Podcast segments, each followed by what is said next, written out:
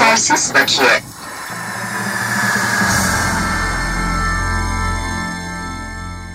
Yetersiz Bakiye hoş geldiniz. Ben Yamaç Okur. Serkan Çakarer. Ee, size söz verdiğimiz gibi e, 2016 yılını değerlendireceğimiz bir e, Yetersiz Bakiye programıyla karşınızdayız. E, programın ilk yarısında e, bir takım istatistiklere, özellikle seyirci sayısı vesaire istatistiklere bakacağız. İkinci yarısında da e, bir kronolojik bir sırayla bu yıl sinema sektöründe neler oldu, öne çıkan olaylar ne, nelerdi e, bunlara bakmaya çalışacağız beraber. Serkan istersen bir genel bir e, box office değerlendirmesiyle başlayalım yıla. E, nasıl bir yıl oldu seyirci sayısı açısından?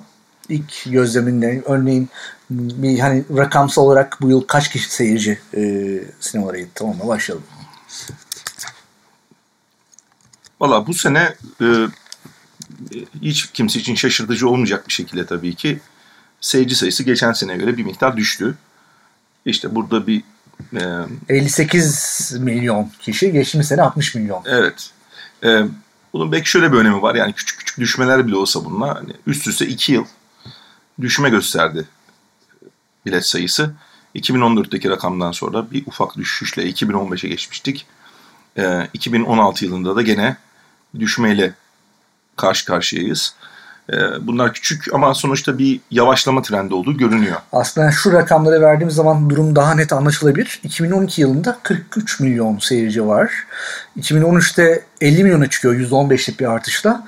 2014'te 121'lik bir artışla 61 milyona çıkıyor. 2015'te 60 milyon %2'lik bir düşüş.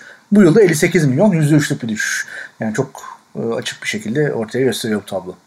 Tabii bunların nedenlerini konuşacağız. Yani evet yani bir de hani şöyle bir şey var. Bunlar küçük küçük de olsa bir trend açısından bir göstergedir sonuçta. İşte Türkiye sonuçta Avrupa'da ilk 7-8 ülke arasında hı hı. o sinema seyircisi açısından o 7-8 ülke arasında üst üste 2 yıl düşme gösteren tek ülke şu anda biziz ama işte bu yılda yaşadığımız bir sürü işte terör saldırıları olsun, işte darbe girişimi olsun, bunun gibi şeylerin de etkili olduğunu görüyoruz. Artı ekonomide de tabii bir takım e, yorulmalar var diyelim. Bunların hepsinin etkisi olabilir. Biraz 2017'de de bu trendi görüp belki ona göre bir karar vereceğiz. Bakalım. Aslında vizyona giren film sayısına baktığımızda da geçtiğimiz yıl 400 film girerken bu sene 360 film vizyon şansı görebilmiş. Evet özellikle yabancı filmlerin sayısında bayağı bir azalma var. Evet. Ortalama bilet fiyatında e, çok büyük bir değişiklik yok. E, hani son 3 yıla baktığımızda 2014 yılında 10 TL 66 kuruş. 2015 yılında 11 TL 27 kuruş. Bu yılda 11 TL 87 kuruş olmuş. Bu da aslında hani enflasyon e, oranında bile bir artış olmadığını görüyoruz hani bilet fiyatlarında. İşte yani zaten gücüyle de ilgili bu tabii toplumun. E, tabii aynen öyle. Ama işte de bu e, euro cinsine ya da dolar cinsine baktığın zaman bunun zaten düştüğünü de görüyorsun dolayısıyla. Yani e, dolar cinsinden bu biraz kurun da tabii etkisiyle e, olan bir şey. Hı hı. Yani bizim genelde böyle 2012-2013 yıllarında bir 4 euro gibi böyle bir seviyedeydik ortalama. Bu 4 euro dediğimiz rakam da biraz Avrupa'daki böyle işte ne bileyim Bulgaristan, Türkiye, Romanya gibi yani daha böyle ekonomisi e, e, işte orta halli ülkelerin bilet ortalaması. Yani bu böyle İsviçre'de 13 eurolara falan çıkıyor çünkü yani bu rakamlar. Ama artık bu dolar kurundan dolayı ya da senin demin söylediğin gibi bilet fiyatının çok ekonomik sebeplerle arttırılamamasından dolayı şu anda Euro cinsinden ortalama bilet fiyatımız 3.55 gibi bir rakama düştü. Muhtemelen bu Avrupa'da en düşük orandır şu anda. Tabii yapımcı açısından baktığında tabii yapımcıya düşen pay e, azalıyor. Ee, enteresan bir şekilde aslında sinema salonu yatırımlarına da bakmak lazım. Yani bu konuda bir datamız yok elimizde. Ama aslında sinema salonu sayısının da böyle bir 2300 küsur olduğu şeklinde evet. dağıtımcılardan aldığımız bir bilgi var. Ama hani şeyi gözlemleyebiliyorum ben bireysel olarak. Bilmiyorum sen katılır mısın? Yeni açılan AVM'ler yok ortada fazla. Evet. Yani orada evet. bir hani rüzgar... Çünkü inşaattaki şey yavaşlama muhtemelen ya da e artık bunlar dolar, euro, euro'da hani baktığında yani yatırım maliyetleri daha fazla. Halbuki geri dönüş maliyeti bu kadar fazla yok. Hani bakıldığında. Peki biraz şeye bakalım istersen bununla beraber hani ilk 10 e, filmlere giden veya yerli filmlere giden bir oranlara bakalım. Sen bunlarla ilgili bir takım e, datalar çıkarmıştın, istatistikler çıkarmıştın. Orada durum nasıl? Yoğunlaşma nasıl yani sektörde? E şimdi tabii bu sadece yavaşlama dediğimiz mesele yani artış hızının düşmesi gibi değil. E, genelde böyle sektörde şeye de bakılır yani ilk 10 filmin e, bilet sayısının toplam bilet fiyat bilet sayısı içindeki yeri işte 30 film, 50 film, 100 film bu şekilde. Yani ilk 10 filme bakmıştım.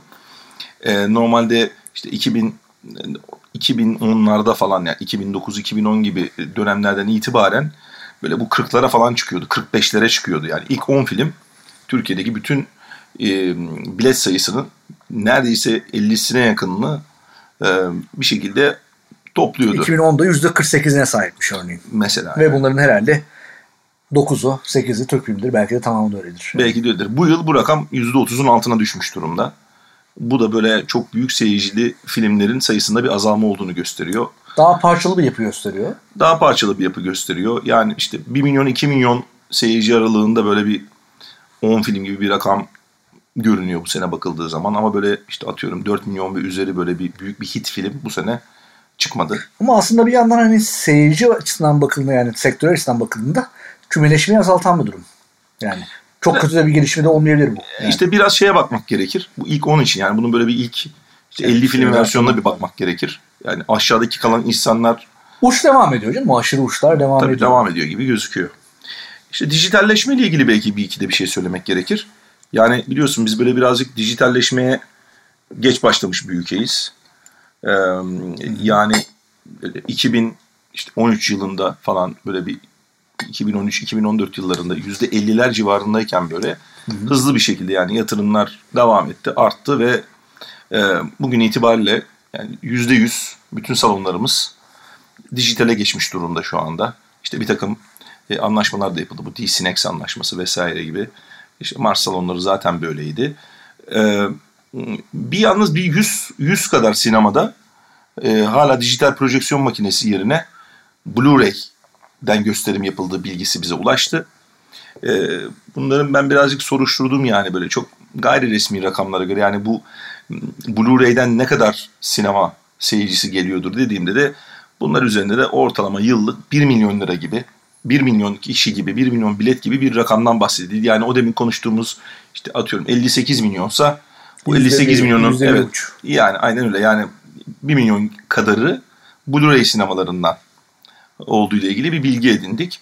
Şimdi tabii birazdan anlatacağız bu hani dijitalleşmenin tabii bu iyi bir tarafı tabii yapımcı açısından ne sıkıntılar olduğunu, oluşturduğunu, oluşturmakta olduğunu da birazdan konuşuruz. Ee, senin gönderdiğin tablolardan bir şey dikkatimi çekiyor. Hani bakıyorum şu anda perde sayısına baktığımızda örneğin yani bir doyum noktasına doğru gidiyor mu diye e, 2012'de 2100 perdeye ulaşmış.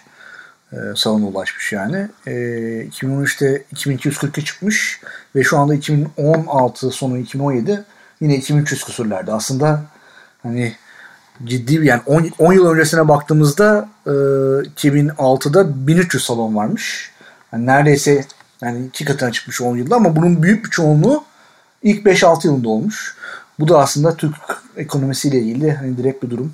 Belki bu AVM rüzgarının azalması, her yere AVM'ler açılması vesaire. Belki Anadolu'daki sinema yatırımlarını etkilemiş olabilir bu. Yani Anadolu'da bir doygunluk olabilir. Ya olabilir bir de doluluk oranları işte yani konuştuğumuz Çok zaman işte. dağıtımcılar söylüyor. Yani %15 ile %18 arasında bir sinema salonlarının doluluk oranı var. E, yani orada da bir doyum olabilir. Yani belli sinema salonlarının biz biliyoruz ki yani belli AVM'lerdeki sinema salonlarının yani genelde aslında hani bunların da çok altında olduğunu işte bir takım işte Recep İvedik gibi ya da bunun gibi filmlerle işte dolarak bütün yılı çevirmeye çalıştığını yani Büfe gelirlerinin esas yani önemli e, seyre sahip olduğunu söyleyen ben bir iki sinema şeyi biliyorum. Yani. Vallahi doğru olabilir. Gelirleri. Doğru olabilir. E, onun dışında bir de istersen şeye bakalım. Yani dağıtımcılar tarafına durum e, nasıl? Hani hatırlarsın e, sonuçta yılda önemli gelişmeler oldu. E, işte Tiglon e, battı. E, Özen Film 20th e, Century Fox'tan işte Tignon'a geçmişti. Daha sonra Tignon'dan e, 20th Century Fox'ın filmleri e, Moment'e TM'ye geçti. E, orada da aslında enteresan durum var. Mars dağıtım pazarına girdi. E, 2014 yılı sonlarında. E, şu anda da baktığımızda bu yıla e, geçtiğimiz yılda benzer bir tablo var. E, UIP ve Mars e, sektör lideri bu konuda. E, UIP 2991 Mars dağıtımında 2920 pazar payına sahip olmuş. İşte üçte biri her ikisi de. Evet yani ikisinin toplamına baktığımızda yaklaşık %60'lık bir pazar e, payı e, görüyoruz. Aslında bağımsızlara giderek azalmasını zaten görüyorduk son 4-5 yılda. Artık hani şey durumda. Yani buradaki e, yoğunlaşma çok ayyuka varmış durumda. Ee, bunun hakkında da yılın olaylarında rekabet kurumu raporunu konuşurken biraz konuşuruz. Ee, aynı grubun işte dağıtımcılık, işte e, yapımcılık, teryakçılık, sinema işletmeciliği yapması olayları devam ediyor. Hmm, onun dışında e, ne yazık ki hani bu tip raporlarla ilgili sektörde çalışan iki yer var. İşte Antrak ve Box Office Türkiye. Ama çok böyle detaylı analizler yapılmıyor. Aslında bizlere çok detaylı datalar yok. Hani biz bunları çıkarabildik biraz el yordamıyla. Ama aslında tabii daha bakılacak epey bir yer var. Bize en önemlisi tabii tüketici tarafı yani. Şimdi insanların e, bu tip etkinliklere harcadıkları paralar e, aslında nasıl bir eğilim gösteriyor. Bir de ben bir hani, ay ay bakmak lazım mesela işte bütün o terör olaylarında ne olmuş vesaire. Yani. Ya bir de şöyle bir şey var sektörde. Şimdi genelde benim hani böyle e, insanlarla bu tip istatistikleri yapan insanlarla genel olarak yani her türlü istatistik yapan insanlarla konuştuğumuz zaman şöyle bir temel e, şey görüyorum ben problem görüyorum. Yani rakamlar üzerinden böyle bir analiz yapıp rakamlar üzerinden bir sonuca varmaya çalışıyorlar. O zaman da bazen hani doğru sonuçlara varılamayabiliyor ya da rakamlar sizi gerçekten e, çok böyle bir resim görmenizi engelliyor olabilir. Dolayısıyla ben mesela rakamlara bakarak rakamlardan bir analiz yapmak yerine reel duruma bakıp reel durumun rakamsal temeli var mı? Onun rakamsal desteği var mı o tezin? Ben biraz rakamları aslında yaşadığımız reel bir takım gerçeklikleri destekleyip desteklemediğini görmek. Yani onun rakamsal korelasyonunu görmek anlamında kullanıyorum. Dolayısıyla da işte demin dediğimiz gibi yani tüketicinin durumu nerede? İşte onu bilmiyoruz biz sinemaya gitme alışkanlıkları ile ilgili. Yani olayın işte ne bileyim üretim tarafını biliyoruz. İşte e, sektörün büyüklüğünü ölçemiyoruz tabii. En büyük sektörün gerçi. büyüklüğünü de ölçemiyoruz. Yani aynen öyle. Yani, ee, yani mesela kaç tane film çekildiği datası tutulabilen bir data değil. Hani biraz hani tabii biz bunu vizyona girişlerden bakmaya çalışıyoruz ama bunlar biraz dolaylı yani bazı filmler birikiyor. Örneğin işte bu yılın aslında e, belirsizlikleri, ekonomik olayların ve işte bombalamalar aslında gelecek yıla yansıyacak. Ve gelecek yıl herhalde Türk filmleri sayısının düştüğünü göreceğiz. Ya yani şimdi şöyle şeyler var tabii ki yani. Şimdi ben bir birazcık şey ne de bakmıştım yani e, işte gelişme e, kat sayısına bakmıştım. Daha önce bir 2013'te böyle bir çalışma vardı. Yani 2003 ile 2013 yılları arasındaki 10 yıllık sürede bizim sektörün ortalama büyümesi böyle %7, %7.4 gibi seyrediyordu. Sonra ben şimdi bu 2016'ya geldiğimiz için 2006 ile 2016 dönemindeki gelişmeye baktığımda bunun %4'e düştüğünü gördüm. Ee, yani şimdi işte işsizlik rakamları açıklanıyor. İşsizlikte çok ciddi bir artış var Türkiye'de. Ee, muhtemelen işte belli periyotlarda negatif büyümeler çıktı yani 2016 2017'de şimdi ekonomik etkisinin ne olduğunu bilemeyeceğiz ama yani insanların işte bu ekonomik işsizlik vesaire enflasyon bunların yani makro şeylerin e, mutlaka tabii ki bu özel tüketim harcaması dediğimiz bu tip eğlence işte kültür sanat aktivitelerine etkisi olacaktır yani. Mutlaka. Ben bunun olmayacağını düşünmüyorum.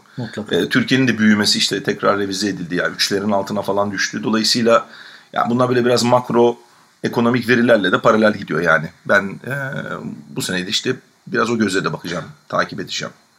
Ee, onun dışında e, benim e, gördüğüm en e, e, komik e, istatistik bu sene e, en fazla seyirci yapan filmimiz Daha iki filmi.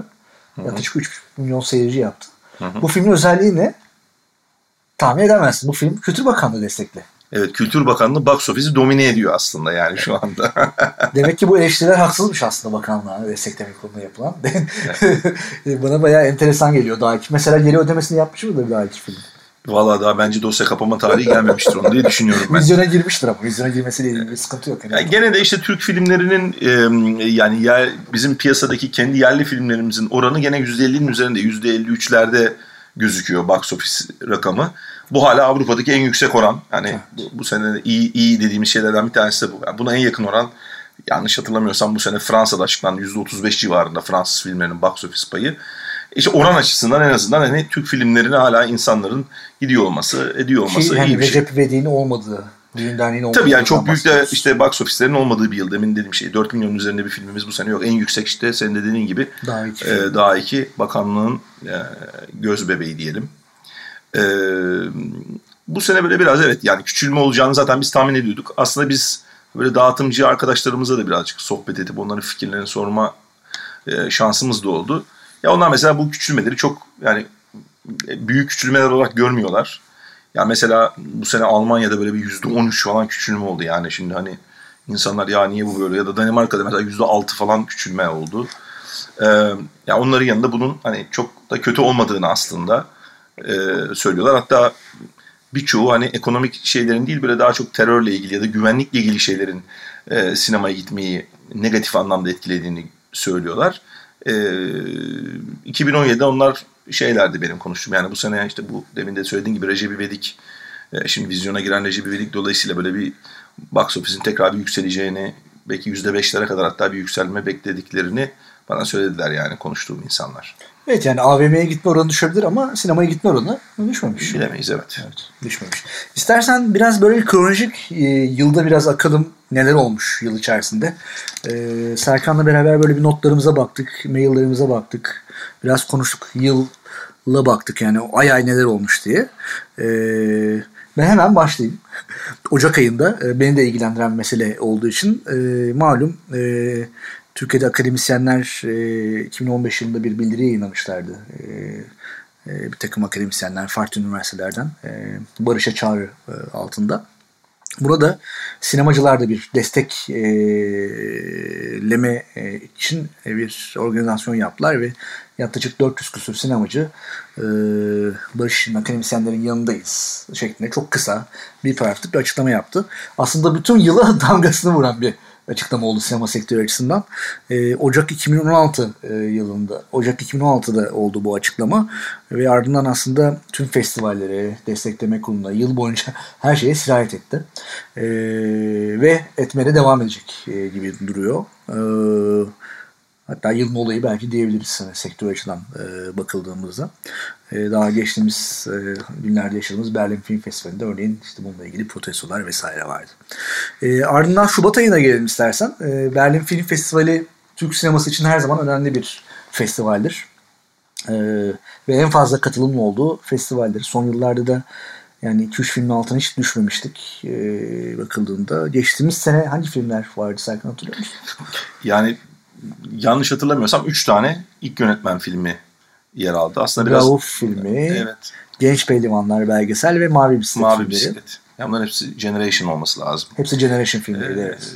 Evet oldu. Ee, Son yarışmadaki Türk filmi de yani yaklaşık 6 yıl önce rahmetli Seyfi Teyaman'ın Bizim Büyük Çaresimiz filmiydi. Hmm, Dolayısıyla aslında yarışmada uzun zamandır bir Türk filmi yok. Bu sene de e, büyük festivallerde, yarışmalarda bir Türk filmimiz olamadı.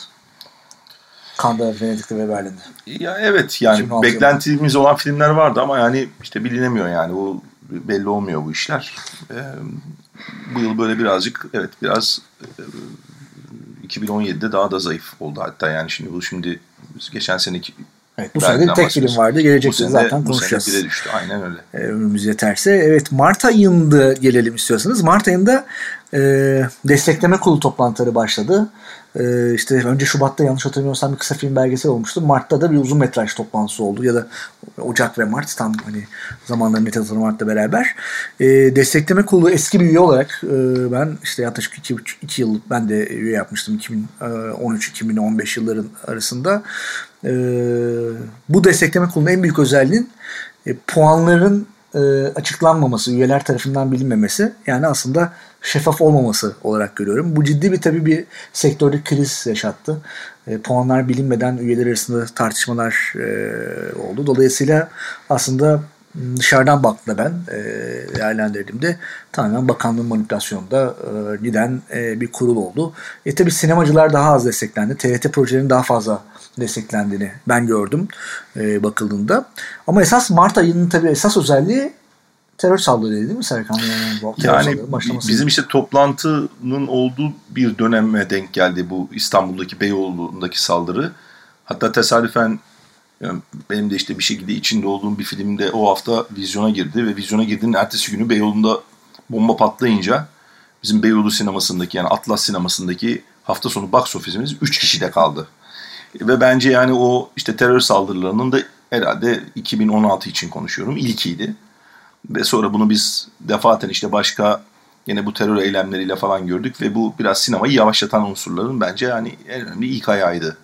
E, çünkü AVM'lerde sıkıntı vardı. Ben hatta çok net hatırlıyorum. Biz Antalya'daydık. Toplantı oradaydı. İşte ben dolaşıyordum böyle toplantının son günü böyle bitmişti artık falan.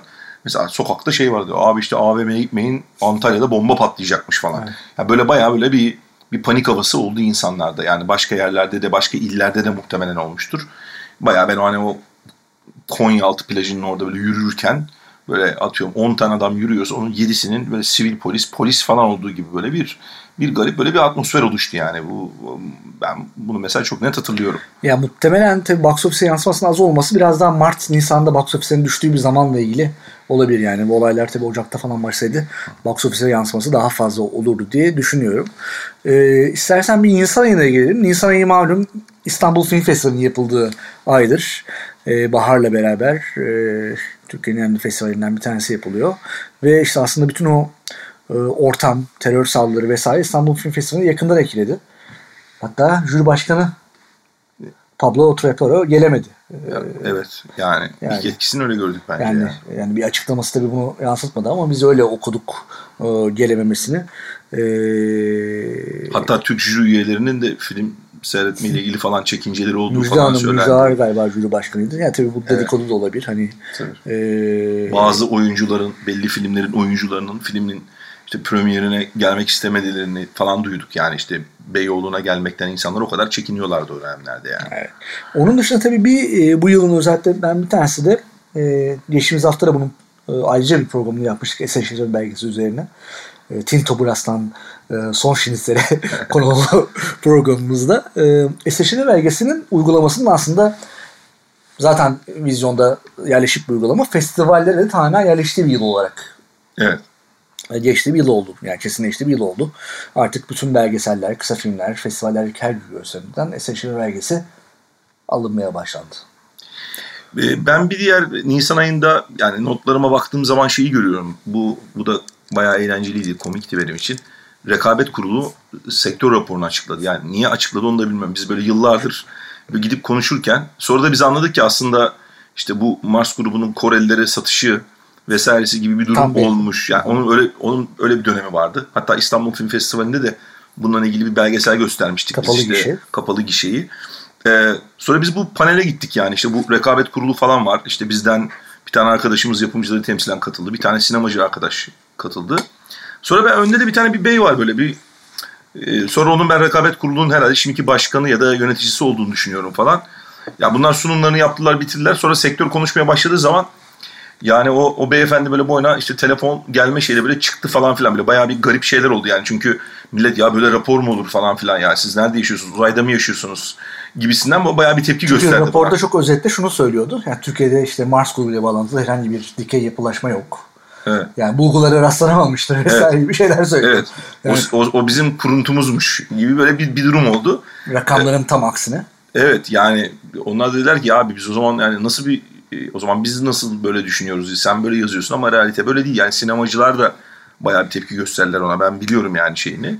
E, bence yani o bayağı bir şeydi. Yani önemli e, olaylardan bir tanesiydi. Dolayısıyla hani onlar böyle bir o raporu da açıklamış oldular ve topu atıp e, şey yaptılar. Yani rekabet kurulunun yani biz kendi aramızda böyle diyorduk yani rehavet kuruluna döndü. Yani hani hiç bir şey söylüyorsun ne kadar kayıl alınır ne olur ne der ya bu rapor ne oluyor ne yapılacak ne edilecek. Sonra anlaşıldı ki aslında bizim son iki senedir bu beklentilerimizin falan dışında yani zaten onlar onu öyle görmüyorlarmış yani bizim gördüğümüz gibi. Onu görmüş olduk o raporla. E zaten hani sonuçta 2016'nın benim bildiğim en büyük dış sermaye ile ilgili satın alması gerçekleşti yani. Evet. Yani sinema sektörü evet. gerçekleşti üstüne evet. yani garip bir durum. Vallahi öyle yani. Esas tabii yani benim hatırladığım en komik durum da bu kültür paketiydi. Kültür paketi açıklandı 2016 yılında Serkan. Evet. Biliyor musun? Baya sinema ile ilgili de büyük taahhütler vardı. Sinema yasası geçecek, telif yasası geçecek. Her ile işte yerel bir takım tiyatrolar kurulacak, sinemalar kurulacak falan. Niye kim, öyle bir şey kim geçirdi? Kim geçirdi? Onu hatırlıyor musun? Bakanımız kimdi? Başbakanımız kimdi? Bir önceki bakan diye hatırlıyorum ben yani. Mahir Bey'in zamanı diye hatırlıyorum ama e, ama niye öyle bir şey çıktı mesela ben bilmiyorum yani. Böyle Nisan ayında birdenbire ama paket işte, açıklandı falan. Niye çıktı? Çıktı ve başbakan görevden ayrıldı. Yani, doğru doğru doğru söylüyorsun. Kültür paketi yaramaz yani Türkiye'de. Biraz tehlikeli solar. Yanlış yani yani bakıldığında. E, Mahir Bey zamanında çıktı dediğim gibi Kültür Bakanı. E, Mahir Bey Kasım 2015'te gelmişti.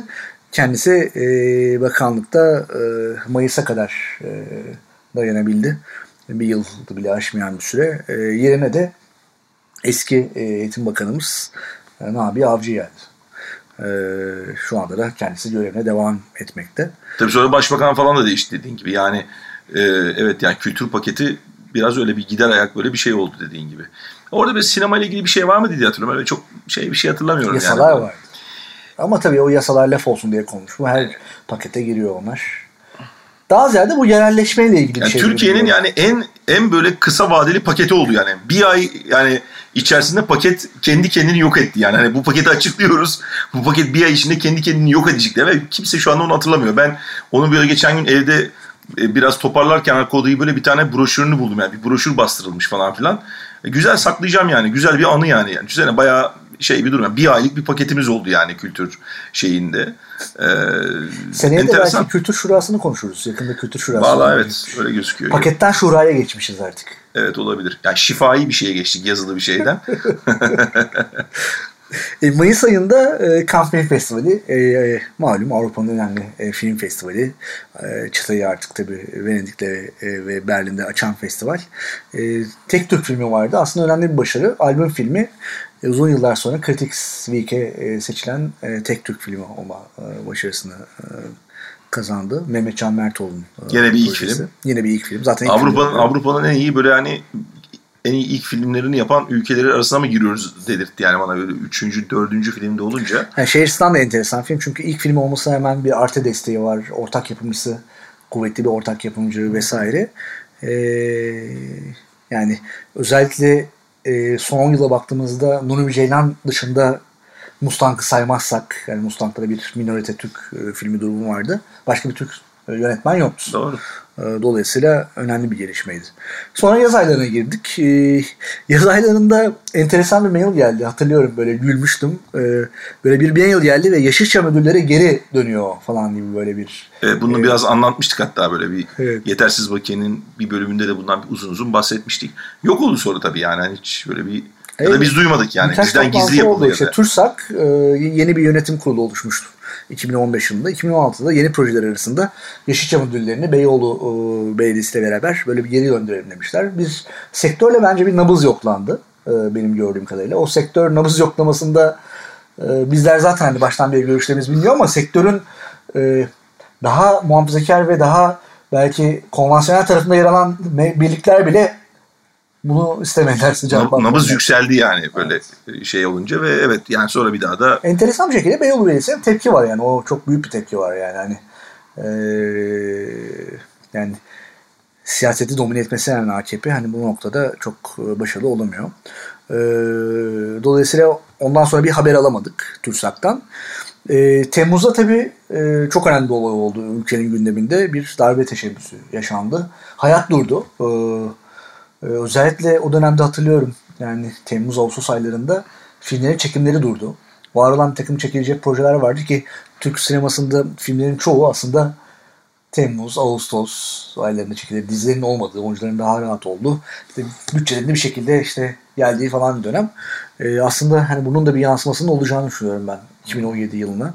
Meslek birlikleri bir açıklama yapmışlardı. Yani evet, o hal başladı tabii. Yani o halle bağlantılı aslında hani şey bir uygulamasını görmedik bunun ama tabii çekimi de etkileyen bir şey. Ee, Yok etkiliyor kesinlikle etkiliyor. Yani ben bu sene böyle yani bizzat uzun metrajlı kendime ait bir film çekmedim ama yani iki tane prodüksiyon içinde oldum. Yani gerçekten o imzalar imzalar izinler falan filan evet. çok çok Özellikle zorlaştı. mesela belki biraz daha batıda daha hissediliyor olabilir ama ya benim e, gördüğüm kendi arkadaşlarımdan duydum.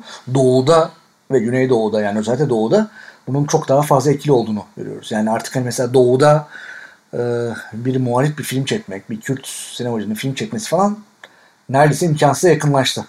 Yani sadece bu tabii darbeyle ilgili darbeden önce başlayan bir süreçti. Yani şimdi bütün ülkelerde bunun benzeri şeyler oldu. Mesela ben Fransa'daki şeyleri biraz takip etmiştim işte bomba saldırılarını ve vesaire diğer terör eylemlerini falan.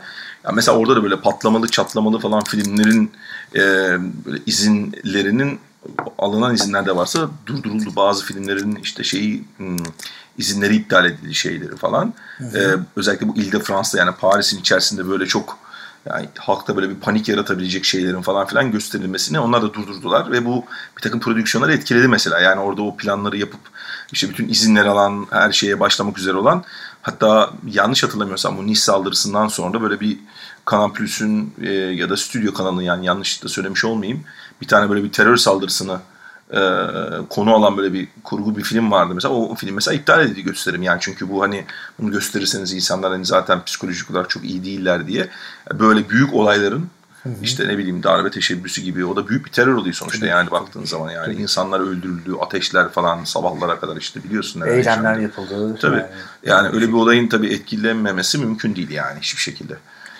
Evet. Yani muhtemelen zaten konu itibariyle de Türk sinemasına yansıyacağını söyleyebiliriz. Göreceğiz yani. Göreceğiz. Konulu filmleri. E, Eylül ayına geldiğimizde Venedik Film Festivali e, vardı ve e, Türk sinemasını e, Reha Erdem e, Horizont bölümünde temsil etti ve ödül kazandı. E, e, başka da bir Türk filmi olmadı. Aslında Venedik Film Festivali'nde ondan önceki iki senede yarışmada iki Türk filmisi vardı. Ardı ardına önce Sivas filmi Kaan Müjde'nin sonra da Emin Alper'in Abluka filmi vardı. E, o çizgiyi devam ettiremedik ama tabii yine de Horizons'da yer almak e, bence önemliydi. E, yine bir Oscar toplantısı oldu. Rutinleşen e, Oscar toplantısı yani Türkiye'nin Oscar adayını belirten toplantı oldu. Kim çıktı? E, Kalandar Su seneki. Mustafa Kara'nın filmi. Mustafa Kara'nın. E, Türkiye'yi Oscar'da temsil etmek üzere seçildi. E, geçen sene de Sivas'tı. Aslında orada da öyle bir durum var. Yani e, Oscar'a giden filmlerimiz de iki yıl böyle gene bir işte yönetmenlik açısından falan daha genç yönetmenlerin öne çıktığı yıllar oldular. Evet ilk filmler. İlk filmler ikisi de. Mustafa Kara'nın filmi de Tokyo Film Festivali'nde en iyi yönetmen ödülü kazanmıştı. En iyi yönetmen ödülü kazandı evet. 2015 yılında evet. Onun dışında Eylül ayında yine notlarıma baktığımda e, en önemli olaylardan bir tanesi yine aslında Türkiye'deki politik e, e, durumların yansımasıyla ilgili bir şey.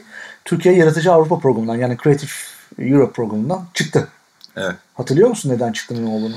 Ya bununla ilgili aslında... Zaten çok yani küçük bir kısmını üyeydik zaten e, ama... Küçük bir kısmını üyeydik. Ya bununla ilgili işte böyle bir iki tane haber çıktı sonra da herkes unuttu bunu yani aslında hani e, bunun sebebi de biraz dediğin gibi zaten belki küçük bir kısmına yani zaten yararlanabiliyor olmamızdan ya da zaten başka bir sürü sorunun arasında hani kimse de çok böyle kreatif youth meselesini çok dert Çok da aslında yani. konuşulmadı. Yani aslında tamamen Türkiye'nin Avrupa'dan uzaklaşması ile ilgili bir durum da yani yıllar yani son 2-3 yılda var. Çok yani, bilinmiyor çünkü. Yani aslında hani sektörün içinde bile bizim yani çok çok bilinen bir şey değil bu. Yani bu biliyorsun biz buradaki e, işte dağıtımla ilgili modüllere de girebilmek ya da işte proje geliştirmeyle ilgili modüllere girebilmek için böyle bir zamandır böyle bir şeylerimiz vardı.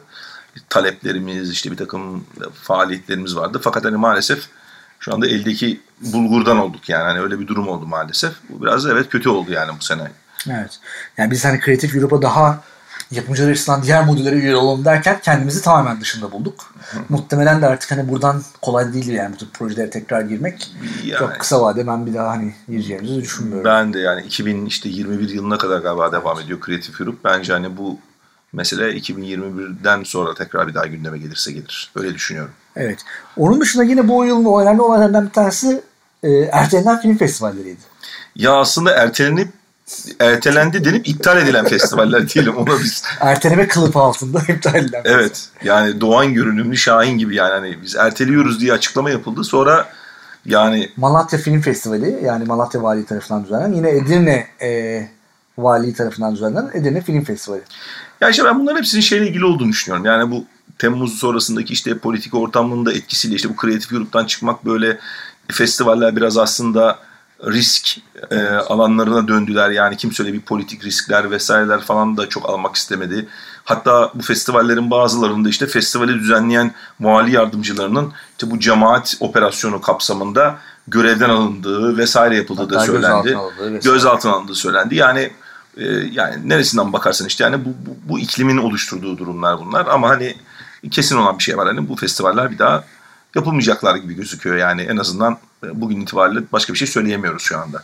Evet, evet. Yani ben hani kendi ama zaten e, çok ne kadar katkısı var e, yani bu tür festivalden çok ona da eminim. Her türlü bir festival kıymetlidir vesaire ama hmm, çok sektör açıdan bakıldığında çok da sektöre katkı koyan festivaller ben olmadı. Orada, yani belki para ödülleri. E, ben biraz orada şöyle düşünüyorum abi. Seyirciyle hani o tip kentlerde normalde gösterince filmlerin e, Ya işte aslında şöyle bir şey oldu ya yani bizde normalde şu anda sinema izleyicisi yetiştirme anlamında yani bir işte televizyonun ya da sinema kurumlarının falan böyle bir aktif çalışmaları, böyle bir sistematik bir çalışmaları olmadığı için aslında Türkiye'de şu anda sinema izleyicisi yetiştirme misyonu varsa eğer az ya da çok bunun tek olduğu yer aslında festivaller. Yani işte Malatya'daki festivale Malatya'da kaç kişi gidiyor hiçbir fikrim yok ama yani oradan 3 kişi bile gidiyor olsa İmkanı işte. veriyor o imkanı. Evet yani bu, bu bence Anadolu'nun her yerindeki festivaller. E, tabii ki para ödülü varsa onun da başka bir artısı var ama esas ben öneminin bu olduğunu düşünüyorum. Hem bir sosyal etkinlik yani oraya işte e, İstanbul'dan özellikle yani endüstriden insanlar gidiyorlar, o şehre bir hareket geliyor e, ve işte izleyiciyle buluşuluyor. O izleyici öyle ya da böyle o filmleri hayatta sinemada hele şu anki Türkiye şartlarında bulması ihtimali yok. E, dolayısıyla bir sinema izleyicisi yetiştirme anlamında yani belki az belki çok mutlaka bir katkı sunduğunu ben düşünüyorum. Ee, yani bence artsın yani ne kadar film festivalinin yani bir zararı olmaz. Çünkü ben dediğim gibi yani o vizyona girme meselesindeki sıkışmanın festivallerin o anlamda bir soluk getireceğini düşünenlerdenim. Ya bunların tabii ekonomik altyapısının oluşturulması gerekiyor. Yani bunların profesyonel ekipler tarafından yapılması gerekiyor. Kişilere ya da orada bürokratik bir takım keyfiyetlere bağlı olmaması gerekiyor falan filan. E, bunlar aynı zamanda illerin de tanıtılması için bence pozitif şeyler. Dolayısıyla yani inşallah Yapılması, tabii yapılır yani şey olur artar yapılır yani öyle diyeceğim artık ne diyeyim. Evet yani bu bakan değişimleri tabii yasa çalışmalarını da tekrar böyle her bakan geldiğinde bizde adettendir bir basın bülteni çıkar. Sinema yasası değişiyor, revize oluyor, telif yasası değişiyor. Aslında bunların yansımalarını da tekrar gördük. Yani Mahir Bey geldiğinde 2015 yılında da olmuştu. Navi Bey döneminde de benzer bir çalışma e, başladı. Yine benim hani komiğe giden bir şey, yılın başında belki hatırlarsın e, eski telif hakları genel müdürü e, Ali Atlan böyle bir gelmişti. E, bir ay içerisinde telif yasasını çıkartıyoruz demişti. Sonra o işte 10 ay sonra tekrar hani kendisi görevden ayrıldı falan hani e, tekrar böyle gündeme geldi ama e, Ekim ayında önemli bir çalıştay düzenlendi. E, telif yasasıyla bağlantılı. Sadece sinema meslek birlikleri değil e, e, müzik, edebiyat tüm hani meslek dallarında faaliyet gösteren meslek birliklerinin katıldığı bir dizi çalıştay yapıldı. E, orada sen de yoğun katıldın. E, nasıl bir gözlemin oldu böyle kısaca senden? Yani evet katıldım. Bu yani sonuçları itibariyle de benim için yani bayağı böyle biraz sükût oldu yani ben onu söylemek zorundayım. Çünkü yani bu çalışmaların sonrasında ne yazık ki yani sinema sektöründeki e, meslek birliklerinin e, yani bu telif meseleleriyle ilgili ve bu telif yasası ile ilgili ben hazırlıklarının çok yetersiz olduğunu gördüm şahsen. Yani bizim de ne kadar hazırlığımız var yani o da ayrı bir mesele ama e, esas büyük problem şeyden sonra ortaya çıktı. Yani e, bu çalıştay bittikten sonra işte müzik ve sinema meslek birlikleri bir araya gelip yani herkesin ortak olarak anlaştığı şeyler konusunda böyle bir ortak metin yapıp bunu da Telif Hakları Genel Müdürlüğü'ne sunmak. Dolayısıyla Telif Hakları Genel Müdürlüğü de bunu işte bakanlık nezdinde ya da işte neyse meclise mi gidecek. Milli Orada, çalışması yapılıyor. Evet yani ve o metni biz götüremedik abi ya. inanılmaz bir şey. Çünkü şöyle garip bir durum ortaya çıktı. Yani bir takım e, sinemadaki meslek birlikleri ya işte biz bu metni imzalamak istemiyoruz. Yani bir ortak metin oluşturulmuştu. Biz şu metni imzalamak, o, o metin dedikleri metin e, müzik eseri yani müzik eseri sahiplerinin şeyiydi ve hani sinemayla yani çok garip bir durum. Yani güç birliği dediğimiz bir şeyin aslında bakıldığı zaman yani işte bir ortak telif e, metnini bir oluşturamadığını gördük. Ve bu sündü yani. yani bir yere de varmadı. Ben bunu şundan dolayı önemli buluyorum. Yani hakikaten Türkiye'de telif iklimi değişip de sinemada telif toplanmasıyla ilgili yani bir hareket olması durumunda yani benim naçizane görüşüm yani o telif toplanıp da sinema meslek birlikleri arasında bölüşülemez hak sahiplerine dağıtılamaz. Şu anda maalesef reel durum ne yazık ki bana bunu gösteriyor. Çok büyük kavgalar olur gibi duruyor. Yani kavgalar olur ama yani dediğim gibi yani oradan nasıl bir şey çıkacak, nasıl olacak yaşayıp göreceğiz. Yani benim en çok şaşırdığım konu oydu bu sene telif meselesiyle ilgili. Evet. Ee, onun dışında sinema yasasıyla ilgili de bir takım çalışmalar yapılacağı söylendi ama görmedik. Yani o, o tarafta Bir tane ilk ayağı yapıldı onun. Sonra da bir ertelendiği söylendi. Yani hani o da herhalde 2017'nin mevzusudur. Evet. İstersen bir de yıl boyunca Euromarş e, Türk sineması adına çok önemli bir kurum. Çünkü bizde tek bir destek kurumu var ve Avrupa'dan da sıcak para anlamında e, yararlandığımız supranasyonel e, önemli bir fon. E, Euromarş'tan geçtiğimiz sene tek bir proje destek aldı. Nuri Bilge Ceylan'ın Ağlat Ağacı filmi. 450 bin euroluk bir destek. Benim hatırladığım kadarıyla son yılların en kötü performansı Euromarş'daki. Yani her sene e, Euromarş'da ee, en az iki bazen 3-4 e, film olan zamanlar var son e, yıllara baktığımızda, son 5 yıla baktığımızda. Ee, bilmiyorum başvuru sayısında mı azlık oldu yoksa işte atıyorum tam böyle bir geçiş dönemi oldu. Mehmet Demirhan uzun yıllardır görev yapıyordu. Görevinden ayrıldı. Çok da istekli değildi kendisi son zamanlarda. TRT'deki görevinden ayrıldı vesaire.